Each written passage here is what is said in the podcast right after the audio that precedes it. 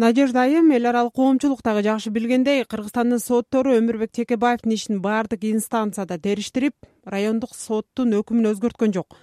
Мыйзамдык жактан кыргызстанда бул ишке чек коюлуп сот саясатчыны айыптуу деп тапты. Мындай шартта сиздер айтып жаткан эл аралык механизмдер кандайча иштейт?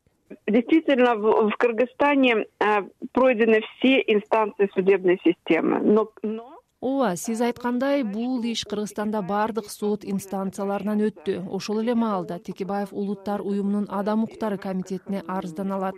Жеке арыздарды кароо боюнча факультативдик протокол буга жол берет. Он сегиз эл аралык эксперт текебаевдин иши боюнча өз ой пикирин билдире элек кыргызстан жарандык жана саясий укуктар боюнча эл аралык пактты ратификациялаган. Ага таянып улуттар уюмунун адам укуктары комитети жеке арыз боюнча өз сунушун бере алат. Андыктан текебаев азырынча өзүн коргоонун баардык мүмкүнчүлүктөрүн колдоно элек. Алдыда чоң иш турат. Анын адвокаттарынын жана жарандык коомдун активдүү позициясынын көмөгү менен саясатчы өзүн коргоонун улуттук механизмдерин колдонуп бүттү. Эми эл аралык коргоонун алкагына өтүүдө. Биз болсо эл аралык механизмдерге кыргызстандын бийлиги кандай реакция жасаарына карашыбыз керек? Абактагы саясатчы мындай мүмкүнчүлүктү толук колдонсо акыйкаттык орношу мүмкүн. Ошол эле маалда текебаев кандайдыр бир каршылыктарга туш келиши да мүмкүн. Эгер андай болсо коомчулукка кабардар кылабыз. Кыргызстанда бул иштин жагдайы татаал экендиги талашсыз. Бирок буга чейин кыргыз бийлиги мындай иштерге оң болобу терс болобу өз реакциясын билдирип келген. Андыктан биз адилеттик орнойт деген үмүттү өчүрбөй турабыз. Следовательно мы сохраняем надежду на восстановление справедливости түрмөдө жаткан кыргызстандык саясатчынын иши боюнча сиздер даярдаган документтер улуттар уюмунун атайын баяндамачыларына берилгенден кийин алардын полномочияларине эмне кирет? Алар эмне иш аткара алышат? Мандат спецдокладчиков оон в мандате есть такие полномочия но к сожалению улуттар уюмунун атайын баяндамачысынын мандаты абактагы кишини жеринен барып көрүп келүүгө жол берет. Тилекке каршы биз сыяктуу укук коргоочу уюмдар атайын баяндамачынын чечимине таасир эте алышпайт. Биз атайын баяндамачыны иштин жагдайы менен гана толук кабардар кылып турабыз.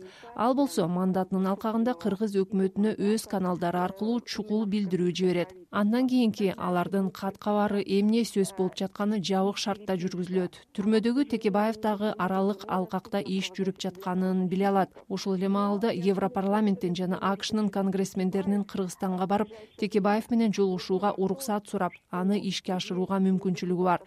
Биздин максатыбыз болсо баардык тарапка туура так маалымат берип алардын өз мандатынан колдонуусуна өбөлгө болуу.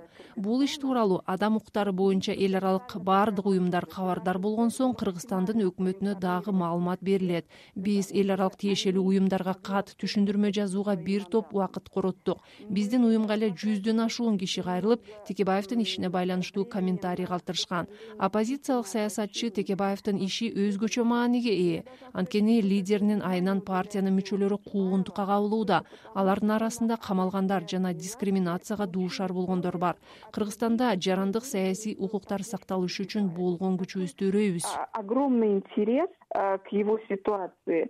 Надежда айым кыргызстанда түрмөдө өмүрбек текебаевдин укугу бузулуп жатат ага басым көрсөтүлүп атат деп айтып келатасыз. Сиз жетектеген уюм францияда жайгашкан анан алыстан туруп абактагы саясатчынын жагдайын кантип билип жатасыздар ну во первых наша организация имеет уникальный опыт дистанционного мониторинга. Биздин уюмдун аралыктан туруп мониторинг жүргүзүүдө тажрыйбасы бар. Биринчиден өлкө ичинде жайгашкан волонтерлорубузга таянабыз. Ошондой эле текебаевдин адвокаттары жана бул окуяга жакындан көз салган активисттер менен такай байланыштабыз.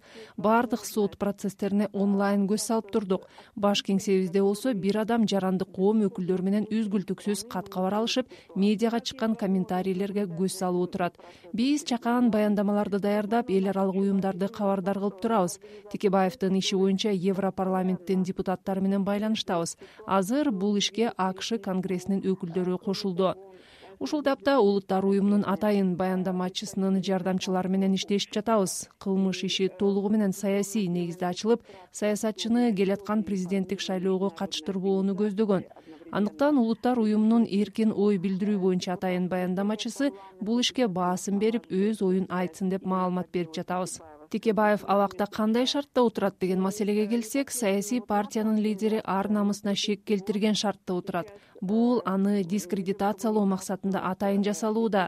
Биз мына ушуга басым коюп жатабыз. Жыйырма төрт саат бою үч видео камеранын алдында болуу адамдын жеке чөйрөсүнө кийлигишүү адамды коомдон бөлүп эркиндигинен ажыратуу деген анын жеке ар намысына шек келтирүүгө жол бербейт. Мындай нерсе улуттар уюмунун кыйноолор боюнча атайын баяндамачысынын көз жаздымында калбашы керек. Биз ушуга дагы көңүл буруп жатабыз адам укуктарын коргоонун кепили болгон кыргызстандын президенти өз өлкөсүндө адамдын фундаменталдык укуктары менен эркиндигинин сакталышы үчүн болгон аракетти көрүүгө милдеттүү. Кыргызстандын саясий айдыңында конституцияда каралган укуктар менен принциптердин сакталышы мамлекеттин негизги түркүгү. Дагы бир белгилей кетүүчү нерсе текебаев кандай шартта болсо дагы коомго таасир этип өз талапкерлеринин урмат сыйына татыктуу бойдон бул анын бышып жетилген саясатчы экенин айгинелейт сторонников это очень важно это говорит о его зрелости